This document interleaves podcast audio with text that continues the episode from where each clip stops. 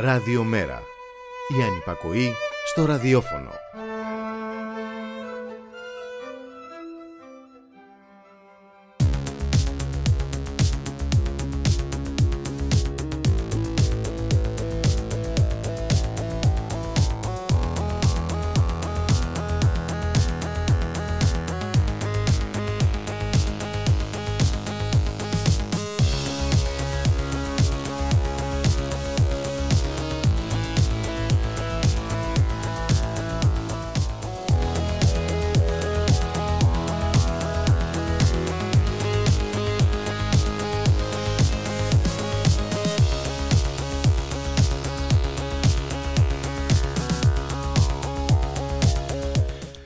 Γεια σας. Ξεκινάει πάλι το παραλαφούσι κάθε πέμπτη με την Πάολα Ρεβενιώτη, στην αρχισυνταξία ο Τάκης Κουρκουρίκης και στον ήχο σήμερα ο Γιώργος Ονομικός.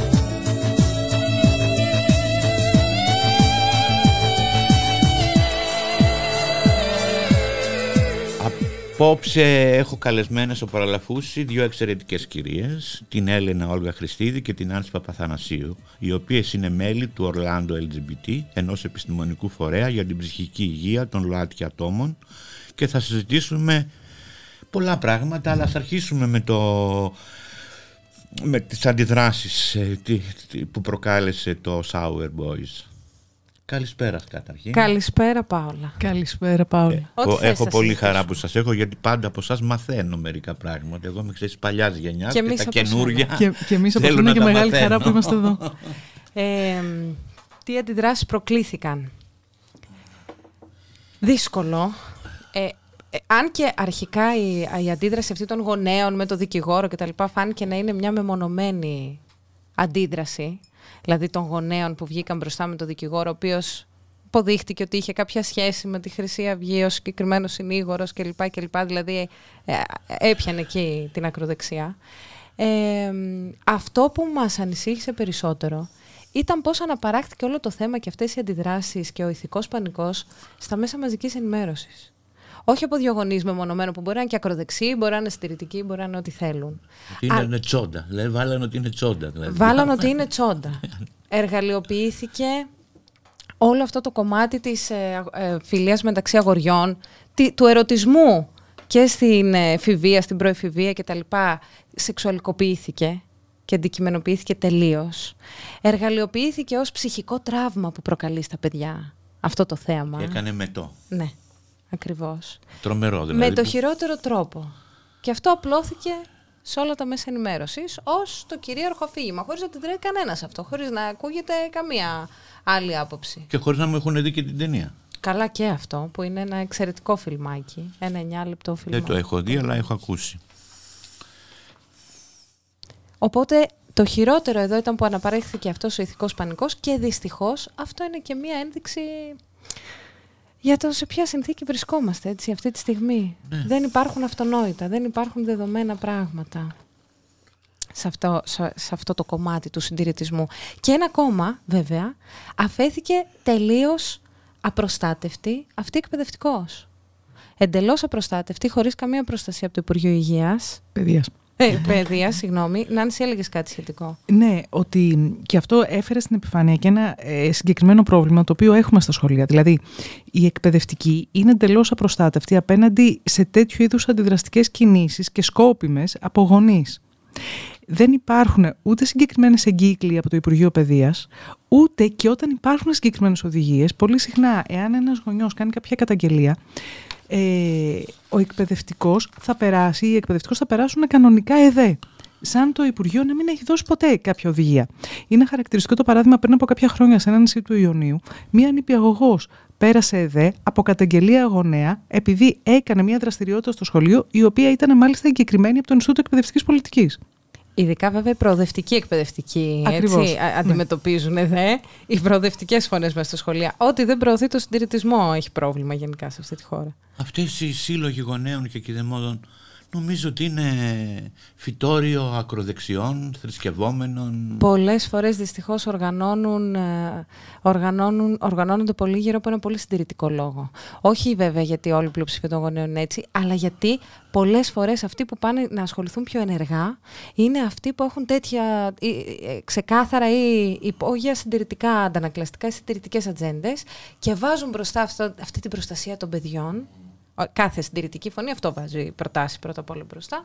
Ε, για να βγαίνουν και να, και να βάζουν την ατζέντα που θέλουν και μέσα στο σχολείο. Αλλά Δυστυχώς το, το εκπαιδευτικό σύστημα στην Ελλάδα δεν τις έχει αντιμετωπίσει αυτές τις ε, τις παθογένειες. Στα social πώς ανα,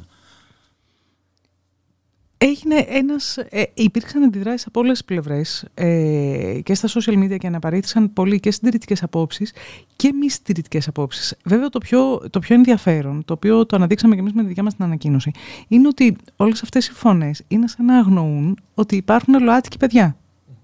Ναι, δηλαδή όλη αυτή η συζήτηση έγινε σαν τα παιδιά να είναι μόνο C-straight, δεν υπάρχουν ΛΟΑΤΚΙ παιδιά στα σχολεία, έτσι. Άρα τι θα πάθουν αυτά τα C-straight παιδιά αν δουν τις ε, ε, ΛΟΑΤΚΙ υποκείμενα, ας πούμε, στις οθόνες. αυτό ε, ε, τώρα αντυχεί ξεκάθαρα τη γραμμή του Υπουργείου Παιδείας που δεν έχει περάσει συμπεριληπτική σεξουαλική αγωγή στα σχολεία, ως υποχρεωτικό μάθημα ακόμα. Το συζητάμε τώρα και είναι 2023. Πόσα χρόνια το λέμε, ούτε που θυμάμαι. Ε, και οτιδήποτε τέτοιο σχετικό το κόβει από την αρχή. Ε, πώς θα υπάρχουν συμπεριληπτικά σχολεία έτσι; Δεν υπάρχει κανένας απολύτως τρόπος. Αυτός ο, θόρυβος, αυτός ο θόρυβος δεν συνέβη σε άλλες χώρες, μόνο στην Ελλάδα νομίζω να συνέβη. Δεν νομίζω να συνέβη αλλού. Δεν έχουμε ακούσει κάτι σχετικό. Ναι, δεν μπορώ από μόνο στην Ελλάδα σαν να είμαι σίγουρη, δεν τα έχουμε τσεκάρει και όλα τα υπόλοιπα. Αλλά αυτό το, αυτό το ταινιάκι είναι ένα, η ταινία είναι μια βραβευμένη ταινία μικρού μήκους στον παιδικό και νεανικό κινηματογράφο. Και πάνω σε αυτή τη λογική συμπεριλήφθηκε και στο υλικό που είναι κατάλληλο εγκεκριμένο από το ΙΕΠ για να προβάλλεται και στα ελληνικά σχολεία. Έχει προβληθεί σε άπειρα σχολεία στην ε, Ευρώπη και όχι μόνο. Ε, και να πούμε και τι, τι λέει για όσα, τι δείχνει για όσα άτομα δεν την έχουν δει. Ναι.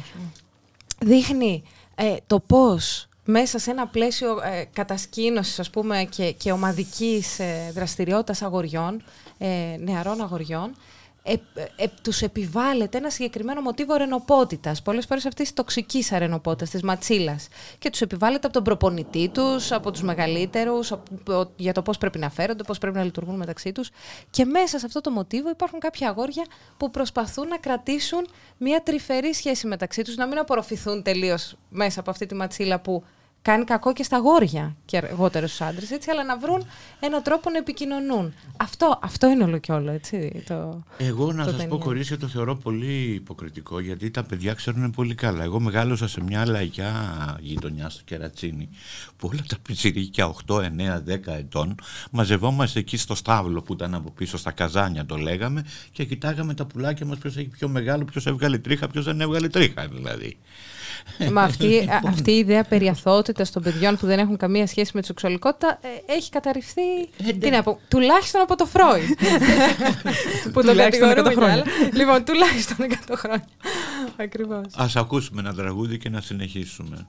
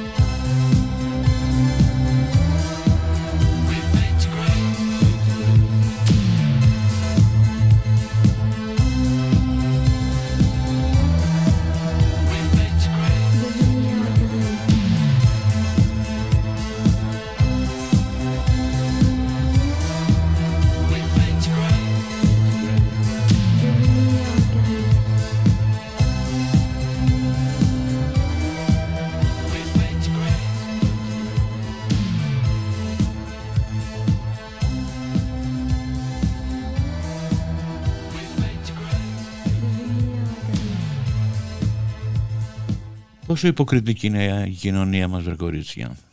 Ρητορική ερώτηση. Ρητορική ερώτηση. Εγώ μπορώ να απαντήσω, αλλά Ναι. καλύτερα να απαντήσετε εσείς που το έχετε σπουδάσει το Ε, θέμα. Εγώ λέγαμε- το έχω σπουδάσει αλλιώς. Ναι. Λέγαμε κάτι στο, στο κενό τώρα που έπαιζε το τραγούδι περί κακοποίησης.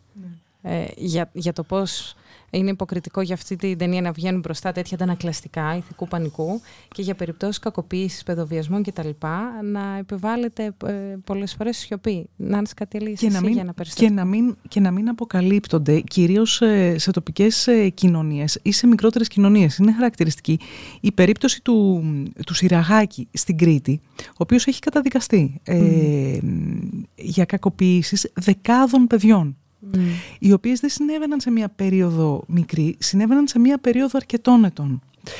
Και είναι ενδιαφέρον ότι αυτή η υπόθεση ήρθε στην επιφάνεια από μία οικογένεια που ήταν μονογονεϊκή οικογένεια μιας μετανάστριας γυναίκας. Από το πιο περιθωριοποιημένο, δηλαδή από το γιο μιας μετανάστριας που μεγάλωνε σε μια μονογονεϊκή οικογένεια, από το πιο περιθωριοποιημένο ουσιαστικά ε, μέλος τοπικής Ήρθε η κοινωνίας. ρογμή σε αυτό το ήρθε, πράγμα. ήρθε η ρογμή σε αυτό που η υπόλοιπη κοινωνία για, για Ήθελε να χρόνια καλύπτει. πολλά δεν ήθελε να βλέπει, ήθελε να καλύπτει, δεν, σίγουρα δεν μπορούσε να δει με κάποιο τρόπο. Δεν ξέρω αν είναι υποκρισία αυτό. Είναι ο τρόπος με τον οποίο δυσκολευόμαστε στην Ελλάδα να μιλήσουμε για ό,τι μας δυσκολεύει. Τα βάζουμε κάτω από το χαλί. Ε, υπάρχει ένα να είμαστε καλά αγαπημένοι μεταξύ μας. Ναι. Ε, να είστε καλά να αγαπιέστε. Ε. Ε, Είναι και θέμα πολιτικών αυτό. είναι, και θέμα, είναι και θέμα πολιτικών. Και από το σπίτι ξεκινάνε όλα. Αν δεν έχεις ε, και ε, μερικά εφόδια από το σπίτι. Πού οδεύει λοιπόν η Ελλάδα, έτσι που μου την, μου την έχουν γράψει την ερώτηση ο Τάκης. Στην Ελληνική Βουλή υπάρχει πιθανότητα να μπουν δύο ακροδεξιά κόμματα. Ε, τώρα πάμε στο ζουμί. Για νίκη. Ένα κόμμα το οποίο λέει ότι θα απαγορέψει τη μαλακία. Δηλαδή είναι φοβερό. Πού- πού- Τα, έχ- τα έχουν πει αυτά. Να πιστεύεις στο αδύνατο, Παύλα. Δηλαδή πώς είναι δυνατόν; Ο άλλος τι ψηφοφόρος είναι που πάει να ψηφίσει σε ένα κόμμα που του λέει ότι θα απαγορέψω τη μαλακία. Δηλαδή. Ναι, Είναι ναι, τρομερό. ναι, ναι. Και υπάρχουν άνθρωποι που τους έρουν στη Βουλή. Ονειροπόλος. λοιπόν, για να μην το ρομαντικοποιούμε όμως το περί ακροδεξιάς και νεοφασισμού, εντάξει, έχουμε σοβαρό πρόβλημα γιατί και η νίκη είναι με το ανέβημα στη Βουλή και το κόμμα της Ζωής Κωνσταντοπούλου που δεν έχει τα στοιχεία της νίκης, ε, γενικά με την ακροδεξιά είναι να μην τα βάζουμε όλα στο ίδιο τσουβάλι, όμως έχει πάρα πολλά αντιδραστικά και λαϊκιστικά στοιχεία και ένα, ένα φλερτ με την ακροδεξιά πολύ επικίνδυνο. Τώρα έβλεπα τις προάλλες ότι συναντήθηκε με αυτή την ομάδα των απόστρατων, ε, των στρατιωτικών, τον πιο, το, το, τον, χρυ- τη Χρυσαυγήτικη ομάδα ή αυτή τέλος πάντων που ήταν πιο κοντά στη Χρυσή Αυγή. Αυτά είναι πολύ σοβαρά ζητήματα. Και κοντεύουν να μπουν αυτά τα δύο κόμματα στη Βουλή. Είναι ένα τσάκ, έτσι. Τα- Και ήδη πολλές δημοσκοπήσεις τα δίνουν μέσα. Την ίδια ώρα που ο ΣΥΡΙΖΑ καταβαραθρώθηκε, το ΜΕΡΑ δεν κατάφερε να μπει. Ε, αυτά είναι πολύ σοβαρά δείγματα λοιπόν και μιλάμε για, μια, για ένα νεοσυντηρητισμό που μοιάζει να αρχίζει να οργανώνεται σιγά σιγά. Πολύ δύσκολα τα πράγματα. Πολύ πιο δύσκολα από όταν ήμουν εγώ 20 χρονών, 22 χρονών που υπήρχε μία τουλάχιστον ανεκτικότητα. Δεν φτάναμε σε τέτοιες συμπεριφορές, βρε παιδιά. Ναι, έχει ενδιαφέρον πώς κάνει κύκλους ε, α, η φασιστική ιδεολογία με διαφορετικό τρόπο. Πώς κάνει κύκλους σε εποχές, γιατί προφανώς ρατσισμός και λοιπά και... Υπήρχε, Ε, αλλά ε, υπήρχαν τι- τι- πάντα. Δεν, δεν ήταν τόσο άγριο το θέμα. Ξέρεις Τώρα τι, έχει αγριέψει. Το λέμε και με τα ΛΟΑΤΚΙ αυτά, αυτό. Και με το προσφυγικό και με τη μετανάστευση. Από το 90 και μετά, ε, το συζητάμε να πολλές φορές αυτό, ότι από το 90 και μετά καταλάβαμε ότι η Ελλάδα δεν είναι ένας φιλόξενος λαός που δέχεται, τους δέχεται όλους. Ακριβώς. Μετά τη μετανάστευση των ε, Αλβανών. Τι λέγαμε μέχρι το 1991, η- στην Ελλάδα δεν υπάρχουν ρατσιστές, δεν υπάρχει ρατσισμός στην Ελλάδα. Φιλοξενία. Φιλοξενία, όλοι είναι ευπρόσδεκτοι. Με, μέχρι ότου να εμφανιστούν, μέχρι ότου εμφανίστηκαν οι πρώτοι ε, μετανάστες από Αλβανία. Και ξαφνικά ανακαλύψαμε ότι η Ελλάδα δεν είναι μια τόσο φιλόξενη χώρα. Λέω ξαφνικά και με μπόλικη ηρωνία εδώ. Γιατί ο τρόπος με τον οποίο είχαμε φερθεί και στους ε, παλινοστούντες, αυτούς που ονομάζουμε παλινοστούντες του πόντιους, ήταν εξίσου περιθωριοποιητικός. Αλλά αυτό είναι μια άλλη κουβέντα. Αλλά κάπως Α- το διώξαμε, δεν το βλέπαμε. Άρα η, η ακροδεξιά οργανώνεται όσο περισσότερο, α- εργανώ- οργανώνεται και αντανακλαστικά και αντιδραστικά. Όσο περισσότερο, περισσότερο ορατές είναι μειονοτικές ομάδες, το ίδιο ισχύει και για τα ΛΟΑΤΚΙ Ναι, και για ναι. μας. Όση περισσότερη ορατότητα, πολλές φορές και μεγαλύτερος κίνδυνος. Γιατί οργανώνεται και η αντίδραση σε αυτή την ορατότητα. Τα ξυπνά στα συντηρητικά αντανακλαστικά αλλιώς. Πολλές φορές είναι ασφαλέστερο να είναι εκεί και να κοιμούνται. Και να προσθέσουμε κάτι ακόμα εδώ. Αυτό που γίνεται είναι, για παράδειγμα, τώρα με τον Νίκη που είναι να μπει στη Βουλή, ξαφνικά την μπαίνει ξανά στη δημόσια συζήτηση. Δηλαδή, πέρα από, ε, πέρα από το αν θα απογορεύσουν τη μαλακία ή όχι, μπαίνει όμως κανονικά στις θέσεις τους, αμφισβητείται το δικαίωμα στην έκτρωση. Μετά από αυτό που έχει γίνει στις ΗΠΑ. Ποιος το περίμενε πριν από κάποια χρόνια; Ακριβώς. Δεν το περίμενε κα, καμιά. Άρα κάτι το οποίο μέχρι προχθές, μέχρι τις 20 Μαου, δεν το συζητούσαμε ας πούμε μέχρι τις 20 Μαΐου, αλλά τέλος πάντων, μέχρι πριν από πέντε χρόνια θα θεωρούταν επιστημονική φαντασία το να το ξανασυζητήσουμε. Στο δυτικό κόσμο. Στο δυτικό κόσμο στην Ελλάδα. Από πέρυσι με αυτό που έγινε στην Αμερική, αλλά και φέτος στην Ελλάδα, στην Ευρώπη, που είναι διαφορετική συνθήκη από την Αμερική, μπαίνει ξαφνικά στο δημόσιο διάλογο. Και τι γίνεται, όλη αυτή η συζήτηση έχει μετατοπιστεί ναι. δεξιότερα, συντηρητικότερα. Τι έχεις εκεί, τι ερώτηση έχεις; Η... Η ερώτηση που έχω τώρα εγώ είναι ότι πώς αντιμετωπίστηκαν τα ΛΟΑΤΚΙ θέματα με την, από, αυτή την, από αυτή την κυβέρνηση; Έλα, η ερώτηση των εκατομμυρίων. Αυτό μου αρέσει. Θα την ναι. απαντήσω εγώ. ναι. ε, πώς Ξεπληματικά είναι η απάντηση. Και δυστυχώς ε, η ΛΟΑΤΚΙ κοινότητα που δεν είναι βέβαια ένα πράγμα ενιαίο, να το πούμε αυτό, αλλά βρισκόμαστε ανέτοιμα και ανέτοιμες και ανέτοιμοι μπροστά σε αυτό που έχει γίνει. Ξεπληματικά γιατί; Έκανε κάποιες σωστές κινήσεις, κάποιες περισσότερο ουσιαστικές, κάποιες λιγότερο. Αυτό είναι το νόημα και του ξεπλήματος. Αν δεν κάνει κάτι σωστό δεν μπορεί να ξεπληθεί. Προφανώς σε κάτι σωστό θα βασιστεί. Αλλά κατάφερε να, να ε, ενισχύσει αυτή τη φιλελεύθερη σκοπιά της την ίδια ώρα που κεντρικά αιτήματα της ΛΟΑΤΚΙ κοινότητας τα αφήνει στην άκρη, την ισότητα στο γάμο, την τεκνοθεσία, την υποβοηθούμενη παραγωγή, τα ζητήματα της τρανς κοινότητας, την αλλαγή του νόμου για την νομική αναγνώριση ταυτότητας φύλου. Ε, και βέβαια αφήνει τελείως στην άκρη κάθε είδους διαθεματικότητας. Δηλαδή, προστατεύουμε ΛΟΑΤΚΙ άτομα. Αν είναι πρόσφυγες, αν δεν είναι Έλληνες, γκέι, λευκοί, βέβαια, τους πνίγουμε, τους επαναπροωθούμε. Γίνεται μια σχετικοποίηση επομένως των δικαιωμάτων. Αν είσαι αστός, ε, ΛΟΑΤΚΙ, ειδικά γκέι, άντε και λεσβία, ε, με συγκεκριμένο προφίλ που θες συγκεκριμένα πράγματα, είναι πιο εύκολο να συνδιαλλαγούμε. Εάν δεν είσαι και δεν έχεις αυτό το συνδυασμό χαρακτηριστικών, ε, μένεις στην άκρη. Είναι ταξικό το θέμα. Και βέβαια είναι και ταξικό. Ξεκάθαρα. Και βέβαια είναι. Και βέβαια είναι και ταξικό. Δεν το συζητάμε. Δεν το συζητάμε αυτό. Το θέμα είναι όμως ότι ε, με αυτό που έγινε, συζητάμε τώρα για τα ΛΟΑΤΚΙ δικαιώματα. Την ίδια ώρα, που και καλά κάνουμε, αλλά την ίδια ώρα που η Νέα Δημοκρατία και ο Κυριάκος Μητσοτάκης συγκεκριμένα ξανά έφερε στο προσκήνιο τη λέξη εισβολή για τους πρόσφυγες και το, τους, τους μετανάστες στα νησιά, στο Αιγαίο και στον Εύρο. Που πνίγονται στα νησιά και μένουν σε νησίδες και πεθαίνουν στον Εύρο. Και έφερε ξανά, ξανά τη λέξη εισβολή. Να πώς πάμε ξανά και στην κανονικοποίηση του ακροδεξιού λόγου. Όταν ο φιλελεύθερος της κεντροδεξιάς αρχηγός έτσι, κόμματος και πρωθυπουργός, φέρνει τη λέξη εισβολή για ανθρώπους που θέλουν να έρθουν νόμιμα και να αιτηθούν διεθνούς προστασίας σε μια ευρωπαϊκή χώρα αυτή δεν είναι μια λέξη που χρησιμοποιούταν κανονικά για χρόνια. Είχε μείνει να τη χρησιμοποιούν ο Καρατζα... οι Καρατζαφέριδες, οι Κασιδιάριδες κλπ. κλπ. Και το έφερε Μητσοτάκης. Ας ακούσουμε ένα τραγουδάκι και να συνεχίσουμε.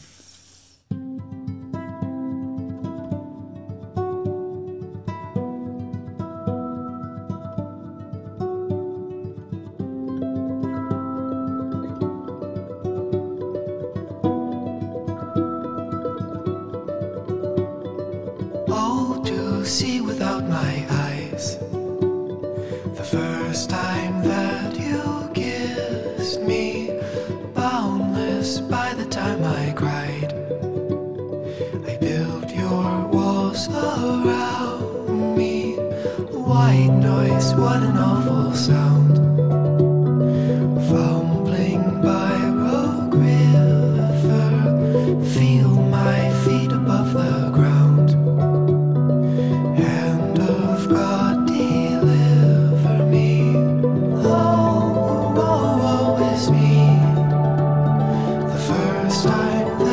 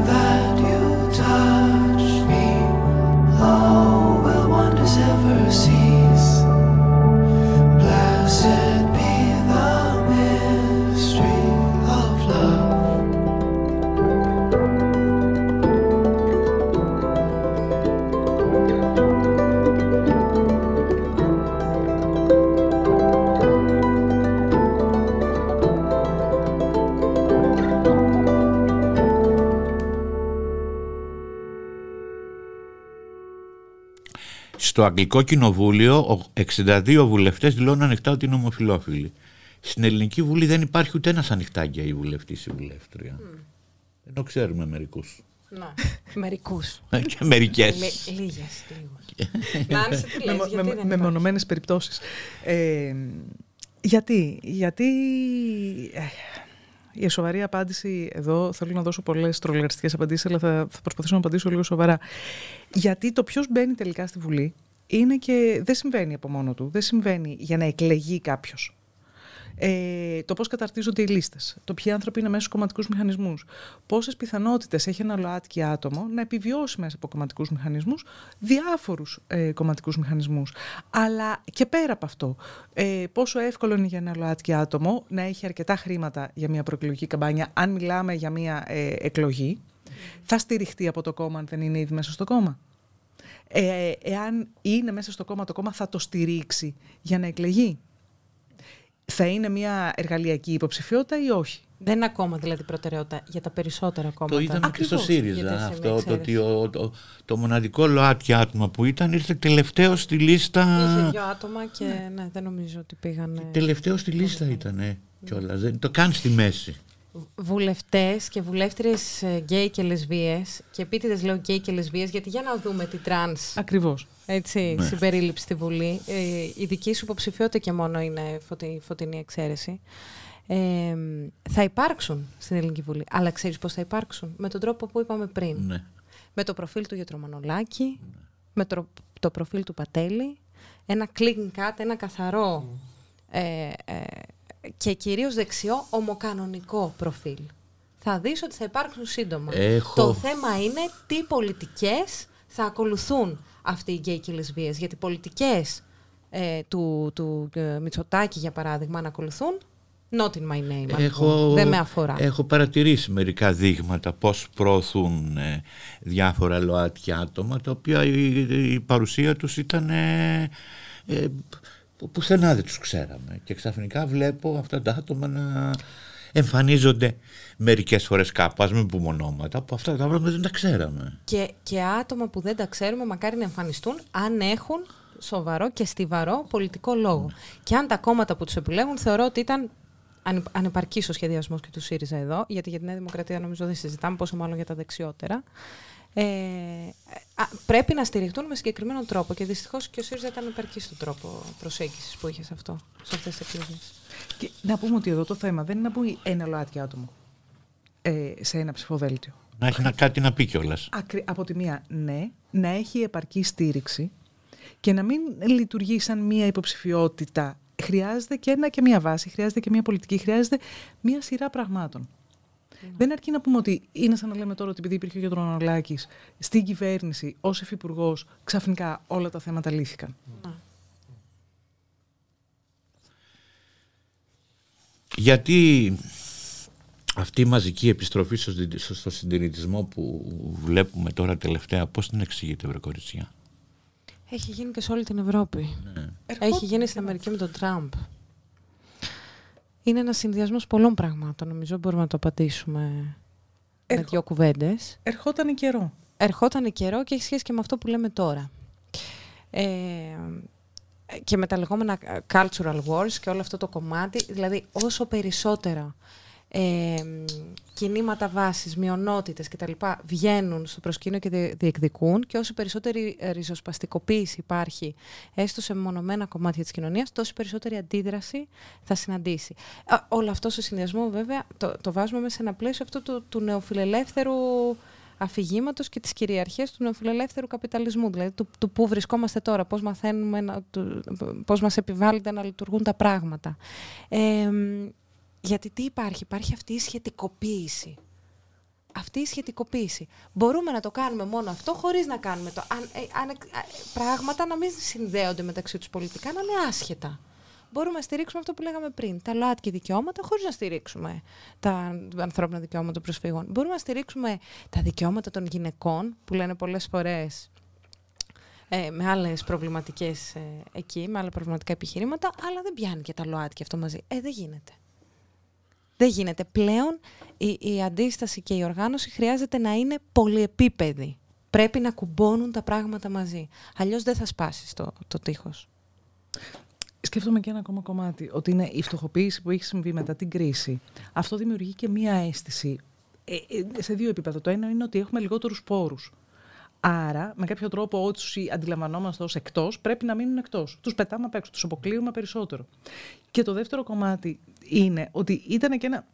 Τώρα, αυτή είναι μια εντελώς ε, πρόχειρη εξήγηση, αλλά ήταν και ένα πλήγμα και στον εγωισμό μας, στο συλλογικό, αυτό το πράγμα. Άρα, χρειάζεται και κάποιον να τον βάλουμε ακόμα πιο κάτω.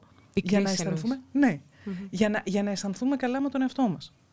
Μπορεί να είμαι φτωχό, αλλά τουλάχιστον είμαι straight. Μπορεί ναι, να είμαι να έχω φτωχοποιηθεί. Είναι και ο λόγο του καπιταλιστή. Ναι. Έτσι, δηλαδή πάντα πρέπει να έχω κάποιον από κάτω για να επιβιώνω εγώ. Εντάξει. Δύσκολες εποχές κορίτσια. Πιστεύετε ότι είναι πολύ έντονος ο φόβος εκφασισμού μιας κοινωνίας; Είναι εύκολο να γίνει αυτό; Ε, εύκολο σαν να λέμε μπορεί έτσι να συμβεί με ένα κλικ; Όχι. Αλλά ότι είναι πάντα ορατός, ναι είναι πάντα ορατός και, και το θέμα το δικό μας είναι πώς μπορούμε να πιάνουμε τα πρώτα δείγματα αυτής της τάσης νωρίς, εγκαίρως, πριν ακόμα οργανωθεί. Αυτό είναι το ζήτημα. Πώς μπορούμε δηλαδή τα, τα πρώτα στοιχεία αυτό, αυτής της συντηρητικοποίησης να μπορούμε να τα πιάνουμε στην αρχή και να τα συζητάμε και να τα αποκαλύπτουμε στην αρχή. Παράδειγμα, που δεν λέω ότι αυτό δείχνει συνολικά μια τέτοια στροφή, αλλά είναι ενδεικτικό το, το κείμενο αυτό που μπήκε στις Πανελλήνιες, στην έκθεση, ε, πρόσεξε, φαινομενικά, εδώ λέμε και για τα νεοφιλελεύθερα αφήγηματα, φαινομενικά ήταν κάτι προχωρημένο. Βάλαν στα παιδιά για πρώτη φορά μιλήσουν για την ισότητα των φίλων, έτσι, τα έμφυλα στερεότυπα κτλ. Από κάτω, στην ουσία, τι είχε; Έλεγες και συνάντηση. Ένα αντρικό... το, πώς, το πώς ήταν δομημένα τα θέματα της έκθεσης. Ήταν ένας άντρας που μιλούσε για τα δικαιώματα των γυναικών. Μία γυναίκα η οποία έφερε ένα λόγο εντελώς νεοσυντηρητικό και ναι, καθόλου ναι, φεμινιστικό, θα το πούμε πιο αναλυτικά, και έκλεινε πάλι το τρίτο κείμενο, ήταν πάλι ενός άντρα που μιλούσε για το πόσο ο σεξισμός πληγώνει τους άντρες. Που όντως, και αυτό που, συμβαίνει, ναι, αλλά το πώς ήταν δομένα τα πράγματα. Δεν είχε τους λόγους τριών γυναικών, ας πούμε. Τι έλεγε λοιπόν αυτή η φεμινίστρια στο δεύτερο κείμενο; Μην είναι και υπερβολικές οι γυναίκες, μην είμαστε υπερβολικές. Μην αυτοθυματοποιούμαστε. Βέβαια. Όλοι είμαστε άνθρωποι. Ναι. Και τι έλεγε επίσης; Και αφήστε αυτές τις θεωρίες ταυτότητας, φίλου κλπ. και λοιπά αυτά τα μπερδευτικά πράγματα.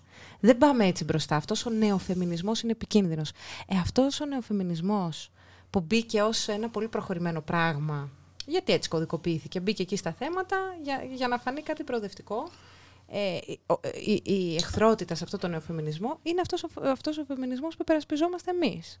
Ο συμπεριληπτικός, ο τραν συμπεριληπτικός φεμινισμός του τρίτου, του τέταρτου κύματος που λέει ότι ε, πρέπει να παλεύουμε όλες μαζί και όλα μαζί ότι δεν γίνεται φεμινιστικό κίνημα χωρίς ΛΟΑΤΚΙ άτομα, ότι δεν γίνεται φεμινιστικό κίνημα με αυτό το αφήγημα της χαρούμενης γυναίκας μέσα στον καπιταλισμό. Δεν είναι τυχαίο ότι αυτοί οι, οι, οι συγγραφές αυτοί που έδωσε συνέντευξη τη, τη, της οποίας ε, δημοσιοποιήθηκε εκεί και μπήκε στο κείμενο, ε, είναι μια Γαλλίδα, αστή, λευκή, σις γυναίκα που καταλαβαίνει το φεμινισμό μόνο από αυτή τη δικιά της τη σκοπιά και τα δικά της τα προνόμια. Μην κάνουμε πολύ φόρο.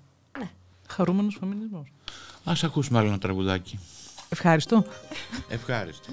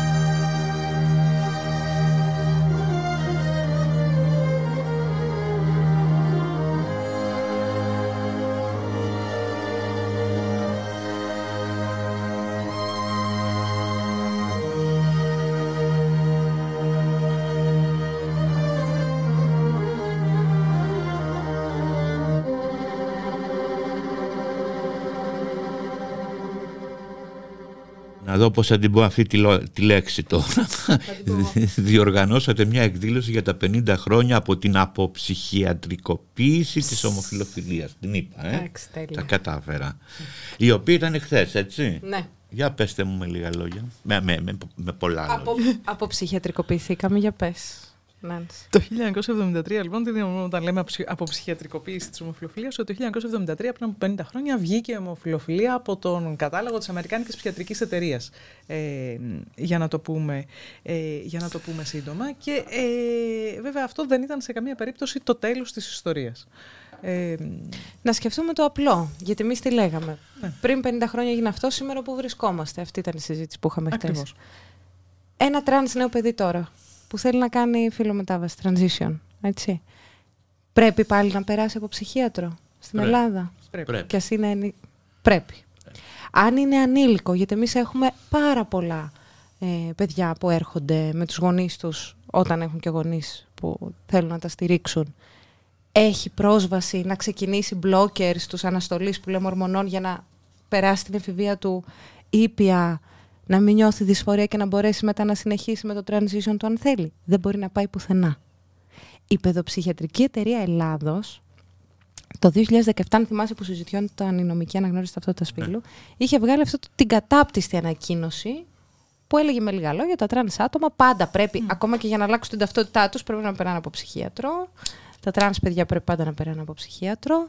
Ε, έλεγε χίλιες δυο αντιπιστημονικές αρλούμπες μέσα και σου θυμίζω ότι η παιδοψυχιατρική, γιατί θα το είχε πάρει το μάτι σου τότε, ήταν αυτή που έκανε τις διάφορες ημερίδες φύλου, οι ημερίδες για την ταυτότητα φύλου, τις επιστημονικές δίθεν, τις ονόμαζε, τις ονόμαζε διεπιστημονικές ημερίδες, και το μισό πανέλ ήταν παπάδες μέσα. Τι δουλειά έχουν οι παπάδες σε αυτά τα θέματα Α, τώρα. Θα μας πούνε οι παιδοψυχίατροι. Τι δουλειά έχουν οι παπάδες σε αυτά τα θέματα; Ό,τι δουλειά έχει η Εκκλησία παντού. Έχουμε πάει εμείς σε πάνελ στην Πάτρα, ναι. που ε, ε, το έκανε ο Ιατρικός Σύλλογος Πατρών. Αυτό είναι ωραία ιστορία. Και ήταν ο ασκητής πάνω, ένας βιολόγος κάτι και ένας παπάς. Αυτό είναι σαν ε, ανέκδοτο.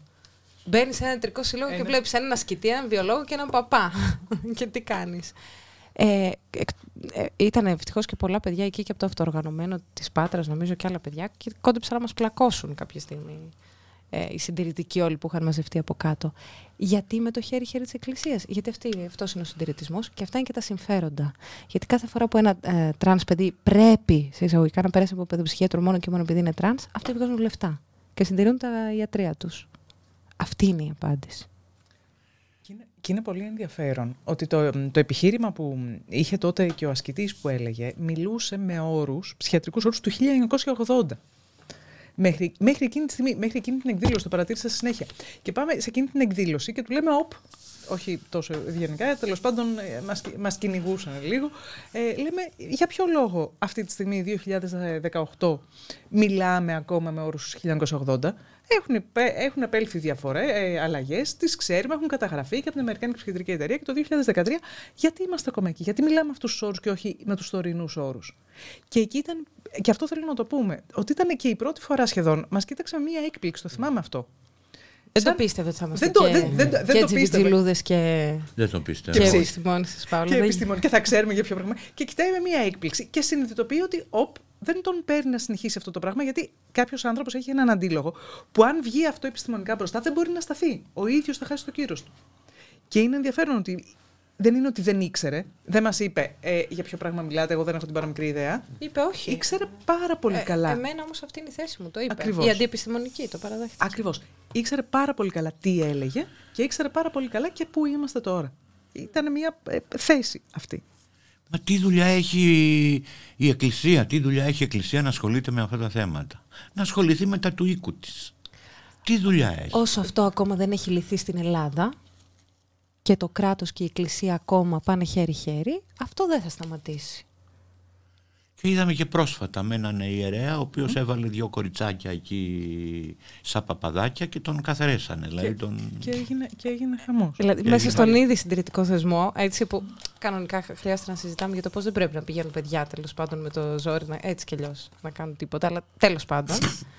Ε, δεχόμαστε και την ανεξιθρησκεία και, τη, και την πνευματικότητα τέλος πάντων κάθε ανθρώπου. Ε, ακόμα και αυτό το παραμικρό, δύο κορίτσια να πάνε να, να εκτελέσουν σε τέτοια νεαρή ηλικία εκκλησιαστικά καθήκοντα, προκαλούν όλη αυτή την αντίδραση. Εκεί, εκεί είμαστε. Αυτή είστε που λέει και ο Κουτσούμπας που μου είναι και αντιπαθής με τα ομοφοβικά και τα τρανσφοβικά που λέει. Να σας πω σε μια τέτοια κοινωνία που ζούμε σήμερα πόσο εύκολο είναι ένα ΛΟΑΤΚΙ άτομο να χάσει την ψυχική του υγεία; Τι, τι... Όλα, ε, να, να σπάσουμε πρώτα ένα μύθο. Ναι. Αυτό είναι το πρώτο που θέλω να πω. Και η λέξη υγεία παρά είναι, ε, είναι υπερεκτιμημένη και η ανεψυχική υγεία. Όλοι οι άνθρωποι αντιμετωπίζουμε προκλήσεις, έχουμε πάνω και κάτω, ανάλογα με τις συνθήκες της ζωής μας και με τα πράγματα που θα μας συμβούν και με το από πού προερχόμαστε και προς τα πού πάμε και με τι τρόπο, αυτά μπορεί να χειροτερέψουν πολύ ή να βελτιωθούν πολύ.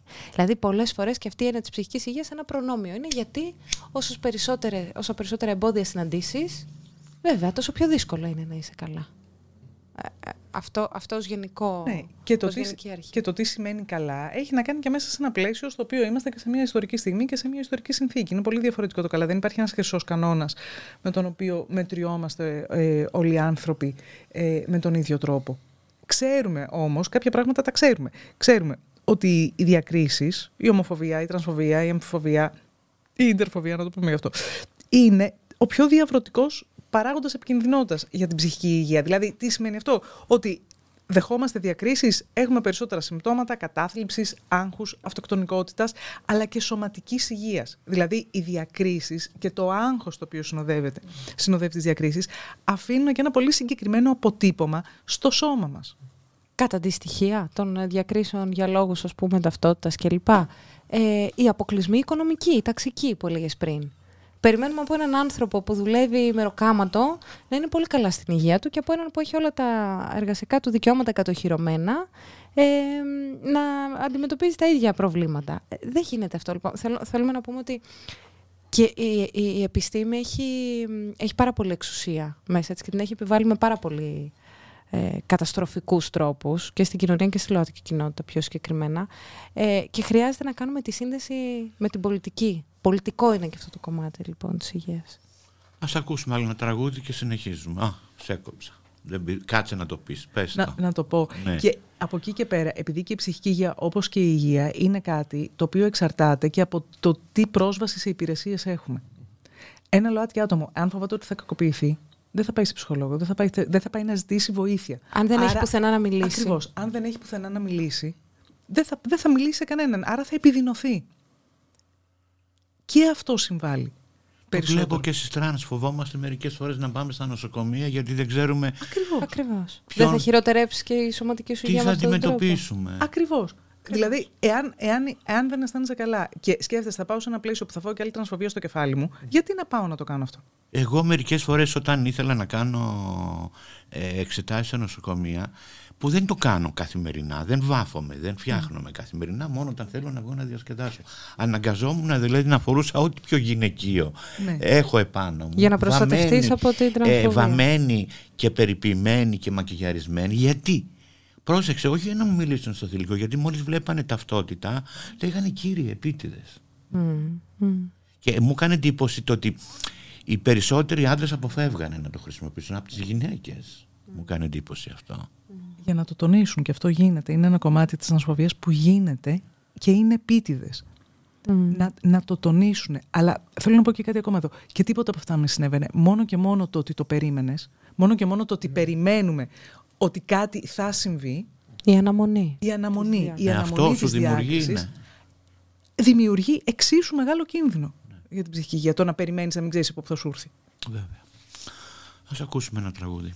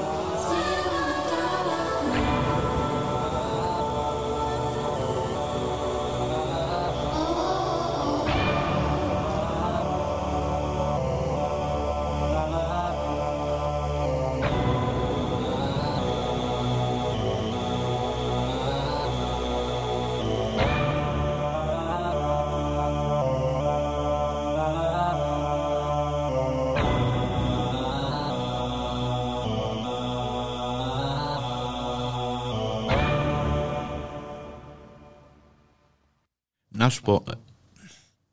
Ε, ε, Μπέντα, θέλεις να το διαβάσουμε αυτό το μήνυμα τώρα; Ε, αυτό, αυτή την ερώτηση από ακροατή. Ε; Ναι. Για, ε, πάμε στην επόμενη ερώτηση και νομίζω συνδέεται, οπότε θα, Ναι. το πούμε, θα το πούμε και αυτό. Θεραπείες μετα, μεταστροφής γίνονται ακόμα στην Ελλάδα; Γίνονται βέβαια. Για πες μου. Για πέστε μου.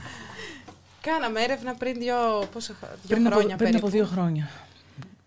Γίνονται κανονικά και γίνονται από ποιους; Από, κοίτα τώρα, οι πιο ε, τρανσφοβικοί, ομοφοβικοί κτλ. ψυχίατροι, παιδοψυχίατροι δεν το λένε έτσι και δεν το προβάλλουν έτσι γιατί ξέρουν ότι πρέπει να αλλάξουν τον λόγο τους, οπότε δεν το πρόθουν με αυτόν τον τρόπο.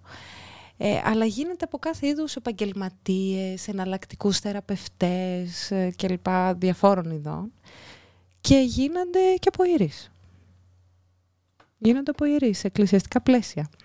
Και έχουμε ακούσει, είχαμε κάνει και μια σχετική εκδήλωση, αλλά το είδαμε και μέσα στην έρευνα που κάναμε, το καταγράψανε δηλαδή τα άτομα που συμμετείχαν. Τους είχαμε ένα σημείο που ανώνυμα μπορούσαν να γράφουν τη δική τους εμπειρία για ξεχωριστές ε, και μονές που πήγαιναν να βρούνε τον τάδε ειδικό σε αυτό το πράγμα για να, Πνευματικό. για να είναι. σωθούν και σε ενορίες συγκεκριμένες.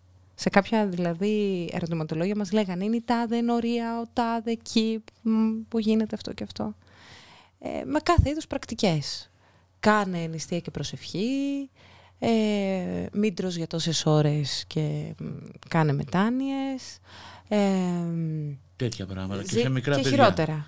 Και χειρότερα. Και χειρότερα. Και χειρότερα. Και χειρότερα. Θυμάμαι Πολύ εγώ όταν χειρότερα. ήμουνα 20 χρονών αγγελίες ενός ε, γιατρού που την έβαζε καθημερινά και ήταν πολύ τεκνό. Θεραπεύω της την ομοφιλοφιλία, Μμ. θεραπεία της ομοφιλοφιλίας. Δηλαδή αυτοί οι άνθρωποι πόσο κόσμο καταστρέψαν, Μμ. ενοχοποίησαν εκείνη την εποχή όμως. Ε; Πάρα πολύ. Και, και ακόμα και, Και ακόμα. τώρα.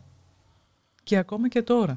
Ε, μ, και το βλέπουμε αυτή τη στιγμή, το βλέπουμε πολύ πιο έντονα και αυτό είναι ενδιαφέρον και γι' αυτό ε, έχει τη σημασία του που η Ελλάδα δεν προχωράει ε, στο να υιοθετήσει τα καινούργια κριτήρια όπως θα έπρεπε να έχει κάνει εδώ και πάρα πολύ καιρό για την αποψυχιατρικοποίηση ε, των τρανς ατόμων. Γιατί βασίζονται ακόμα σε αυτό και ειδικά με τα τρανς παιδιά λένε ότι εντάξει, στην ομοφυλοφιλία δεν θεραπεύεται, αλλά να, επειδή το να είναι τρανς ακόμα θεωρείται ψυχιατρική διαταραχή, ε, να κάνουμε κάτι, μήπως είναι τρανς, τουλάχιστον από εκεί ν- να το αλλάξουμε. Αυτό είναι ένα αφήγημα το οποίο προωθείται.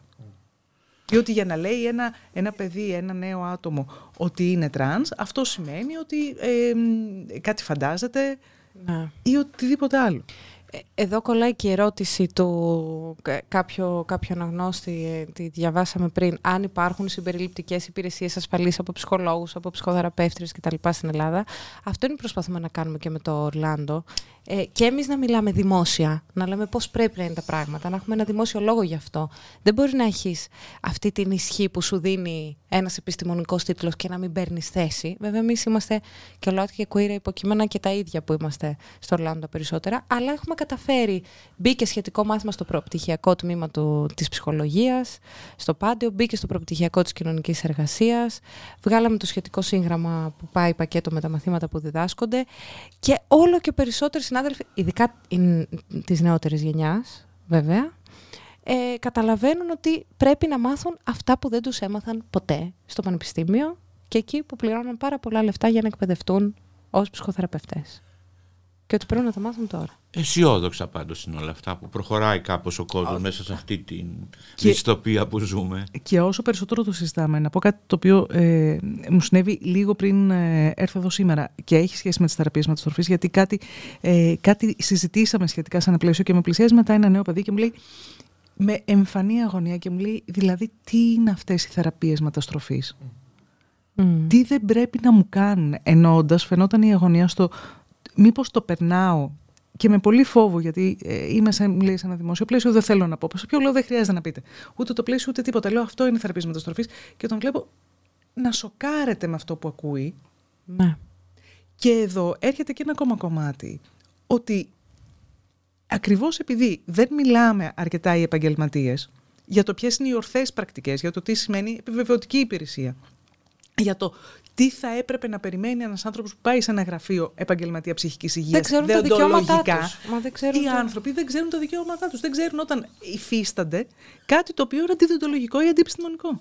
Ναι. Α ακούσουμε άλλο ένα τραγουδάκι και αλλά παιδιά πέρασε, κορίτσια πέρασε η ώρα. Ό,τι θέλετε εσείς. Ε, για πέστε μου αν θέλετε κάτι να, πούμε. Εγώ να βλέπω εδώ ένα ωραίο που έχει σημειώσει. Ναι. Αν σκεφτήκατε. Α, ναι, σκεφτήκατε. Ναι, εγώ το έχω να τα παρατήσουμε όλα και να. Να πάμε έξω. Εγώ το έχω σκεφτεί, αλλά λέω τώρα δεν με παίρνει η ηλικία μου. Το έχεις σκεφτεί το Βερολίνο. Έχω σκεφτεί, έχω σκεφτεί. Το έχω σκεφτεί γιατί πλέον είναι. Ε, και είναι και κουραστικό να μεγαλώνεις σαν τρανς σε αυτή τη χώρα. Ναι. Ε, Αυτό είναι το κακό. Ε, όσο είσαι μικρούλα και χαριτωμένη και βγαίνεις στον δρόμο και την παλεύεις, την παλεύεις. Εμείς δεν έχουμε τα στοιχειώδη. Δηλαδή, και, λες, και άλλη ορατότητα ηλικιακή. Άλλο κακό αυτό. Και άλλο θέμα εκεί. Ε, δεν ξέρω αν σκεφτήκαμε. Εγώ, εγώ δεν, έχω, δεν σκέφτηκα τόσο πολύ στιγμία ίσως να ζήσω στο εξωτερικό, αλλά μου έχει γίνει κάτι πάρα πολύ καθαρό τα τελευταία χρόνια. Και από συναδέλφους και φίλους και αυτά, και στην Αμερική που έχουμε, και στην Ευρώπη και έχουμε ταξιδέψει κτλ. Ότι αυτή σίγουρα είναι πολύ καλύτερα τα πράγματα σε άλλα μέρη. Δεν θα σου δείξω με το Βερολίνο, δεν μπορώ να, να αρνηθώ ότι σε άλλα μέρη είναι καλύτερα. Αλλά πολλές, πολλούς από αυτούς τους κινδύνους που αντιμετωπίζουμε τώρα εδώ, όπως μιλάμε για τη συντηρητικοποίηση, την ακροδεξιά, τον εμφασισμό, σ' όποια, ε, όπου και αν πας, όπως λέει και ο Καβάφης, δεν πάει να πάει σε άλλη γη. Η ε, πόλη θα σε ακολουθεί. Η πόλη θα σε ακολουθεί, ακριβώς. Το συναντάμε μπροστά μας. Κάποτε ήταν και η Νέα Υόρκη και η Αμερική, έτσι, ήταν το... και μετά ήρθε το Τραμπ. μετά και χάλασε αυτό το American Dream και το περί δικαιωμάτων όχι ότι όλα γίνονται ίδια. Στην Ελλάδα, εδώ και στα Βαλκάνια της Ευρώπης, τα λοιπά, έχουμε τεράστιο πρόβλημα. Κάποια πράγματα είναι ασύγκριτα. Αλλά παντού υπάρχει αυτό το ζήτημα. Οπότε όχι. Έχω σκεφτεί μέχρι να τα παρατήσω όλα και να πάω στη θάλασσα με τα σκυλιά μου και να κόβω βόλτες μέχρι εκεί. Αλλά αυτό θα γίνει όταν αποφασίσω τελείως τελείως να τα παρατήσω. Όχι να πάω στο εξωτερικό να ζήσω οπωσδήποτε. Εγώ έγινα μια φορά εσωτερικός μετανάστης. Έφυγα από επαρχία και θα το πω επαρχία και όχι περιφέρεια, γιατί εγώ, σε επαρχία, εγώ σε επαρχία μεγάλωσα και ήρθα στην Αθήνα. Τρίκαλα. Τρίκαλα Θεσσαλίας. Είναι και ωραία πόλη. Ε, τώρα κατάλαβες, άμα δεν έχεις μείνει εκεί, όλο ωραία τα βλέπεις. Αυτό θα το πω. Ε, αλλά άμα, και... άμα δεν έχεις πάει την ομοφοβία, κάθε πόλη έτσι να την νιώσεις. Ακριβώς. Και το λέω, ε, άρα αυτό ήταν ένα κομμάτι εσωτερικής μετανάστευσης. Δηλαδή έφυγα ε, από επαρχία και ήρθα στην Αθήνα. Ε, και σκέφτηκα, υπήρξε φάση στη ζωή μου στην οποία σκέφτηκα ε, να, μείνω, να μείνω μερική. Και ταυτόχρονα δεν ήθελα να χρειαστεί να ξαναφύγω από εκεί που είχα κάνει το σπίτι μου. Τι σημαίνει αυτό; Για μένα αυτή ήταν η σωστή απόφαση εκείνη τη στιγμή θα μπορούσε, δεν ξέρω, ίσως πολύ εύκολο να είναι και κάποια άλλη.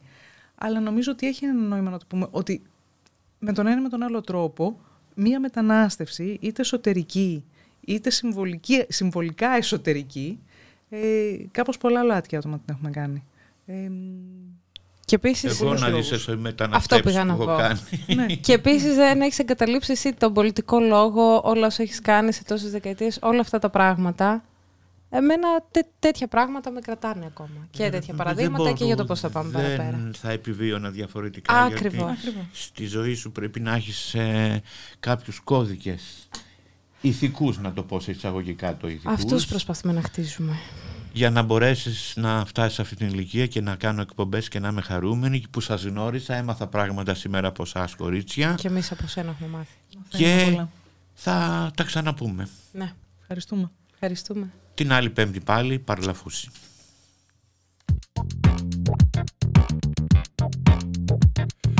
Roller coasters and Earl Grey malls Ocelot babies but not bath salts A harvest moon in the arms of a tree Which has been growing there for centuries